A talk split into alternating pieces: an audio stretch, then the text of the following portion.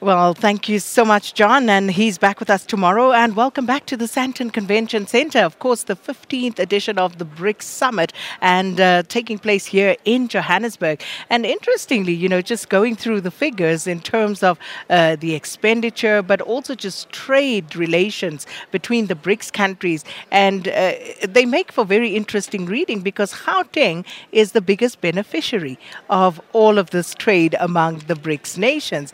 And uh, joining me now, very aptly, uh, following on from that, is of course uh, the MEC for Economic Development in Gauteng, Tasneem Motara. Good to see you, MEC. Good seeing you too, Sakina. Thanks for having me. So, first off, uh, I mean, it's a buzz here in, in Sandton, so this must be good for the province. We've had all the lead up events at Gallagher Estate, so it, it, it, must be good for business. Yeah, definitely it is. If you think of the COVID period, um, COVID did real um, damage to the hospitality, the tourism sector. Um, some establishments closed down if you think of that sort of bleak period and you know juxtapose it to what's happening now, um, the biggest beneficiary is the tourism sector, the um, hospitality sector, hotels in the vicinity fully booked. Um, I'm sure the, the restaurants, eateries, you name it, uh, fully booked, uh, working extended hours. And um, it's not just the three days of the summit. Um, like you said, we've been hosting a lot of the um, build up events, not only throughout August, even earlier this year. And um, we've been working very, very closely with the Business Council, the BRICS Business Council South African chapter, um, just to deal with the business aspect of, of, of, of BRICS itself. So it's been very successful so far. Um, a day to go, um, and I think um, once we wrap, wrap it all up, we'll be really, really relieved, but very excited by the numbers. Absolutely, because I, I see some tired faces. People have been running around. Uh, but as you say, this is the tangible stuff. This is where we can see the trickle down effect, where uh, people are actually benefiting from Gauteng hosting the BRICS Summit. But what about the higher level stuff in terms of, you know, uh, bigger trade agreements uh, that, uh, of course, people again are looking towards uh, to see how and when they can benefit from all of this? So definitely, I think um, so. If you look at each of the BRICS um, countries, um, China and India are already familiar with this with South Africa and the South African business culture. Um, we've interacted with a number of their companies that are already based in South Africa that are now wanting to expand their operations. They not only wanting to expand their operations for South Africa, but for the African market. Um, so BAIC as an example. So we're concluding those agreements. Um, Secondly, is uh, interestingly enough, which is something. The AIC, sorry uh, for the interruption. Etimo- the motor, automotive, oh, yes. yes. Um, so, so, they are in South Africa. They are. They they just. Trading in their combustion vehicles, but they actually want to set up manufacturing of their hydrogen vehicles here. Um, so that would mean a full plant. Um, that would mean a lot of opportunities for raw material um, that we source here from South Africa. Ordinarily, we would export that raw material to China, and it would come back. Um, and hydrogen vehicles we don't have um, in South Africa, and they see an opportunity to be the first and um, the most forward, you know, forwardly advanced if they can. There's a market for it. I'm sure they've done their research.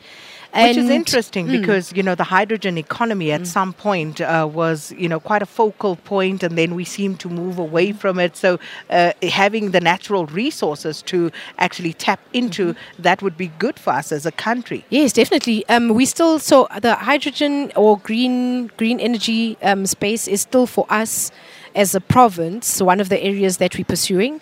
Um, if you think of, uh, you know, our sector such as mining, it's still a strong sector in the in the country and even in the in the province. Um, but we've got to look at alternatives. Um, you know, the the country really was built on the back of mining. It's not what it used to be. Um, so for us, it's good. The natural resource is there. Um, the relationship is there with a company such as BAIC. Mm. Um, and now we've just got to be able to pull together that facilitation for the expansion. Interestingly, um, if I could, is just the, the, the huge interest that um, we've now been receiving from Brazilian companies. Um, so they're not familiar with the South African market. They're not familiar um, to the same extent as the Chinese and the Indians. Um, but they have got, we've been able to have dedicated discussions with certain companies. Um, we're going to take that forward. for us, it's about taking it forward, closing those deals so that they do come, they establish in South Africa. Uh, which is, of course, all good and well, but then I hasten to uh, temper my enthusiasm because where's the electricity? Where's the energy going to come from to do all of these? So you're not the only one that asks. All of them asks uh, the same question. Okay, so we want to set up in South Africa, um, but your energy, but also not only your energy, also your water. So you need for big manufacturing, you need water.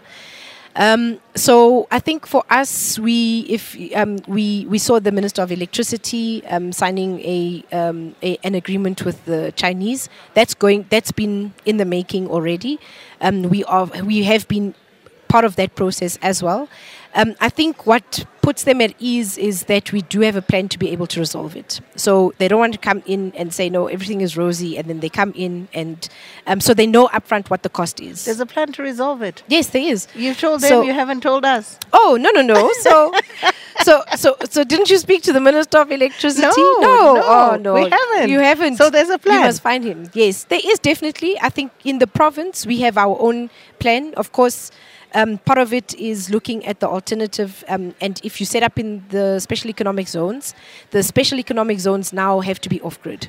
Um, so if you do set up, there's part of the, the entire build would be that it is off grid um, and it has alternative electricity sources. Um, and then is to be able to just increase the funding to um, you know entities, for example, such as City Power, as an example, um, you know, to be able to expand what they can get. Of course, where um, business people are business people. So when you say, "Oh no, we have this challenge," they say, "Oh, I can help you fix it." Um, and those are some of the conversations. So we say, okay, you've got these are South African partners. Um, this is the, the regime that you work under. Um, so I think like the conversations with the Brazilians are around energy as well.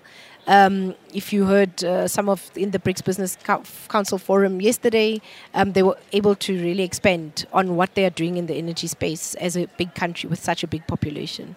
So I know you were part of a panel as well, but I, I I want to rather set up time Mm-hmm. where we can uh, basically sit down and um, break down, Yes. Mm-hmm. especially for the benefit of the people in your province. Yes, and one would yes. imagine that uh, that would be good to do for other provinces as well, Definitely. in terms of what opportunities exactly will flow from this. Um, I'm w- willing to do that. I look forward to it. Thanks, Akina. Thanks so much for your time. My pleasure. Uh, that was the MEC for Economic Development in Gauteng, uh, Ms. Tasneem Mutara.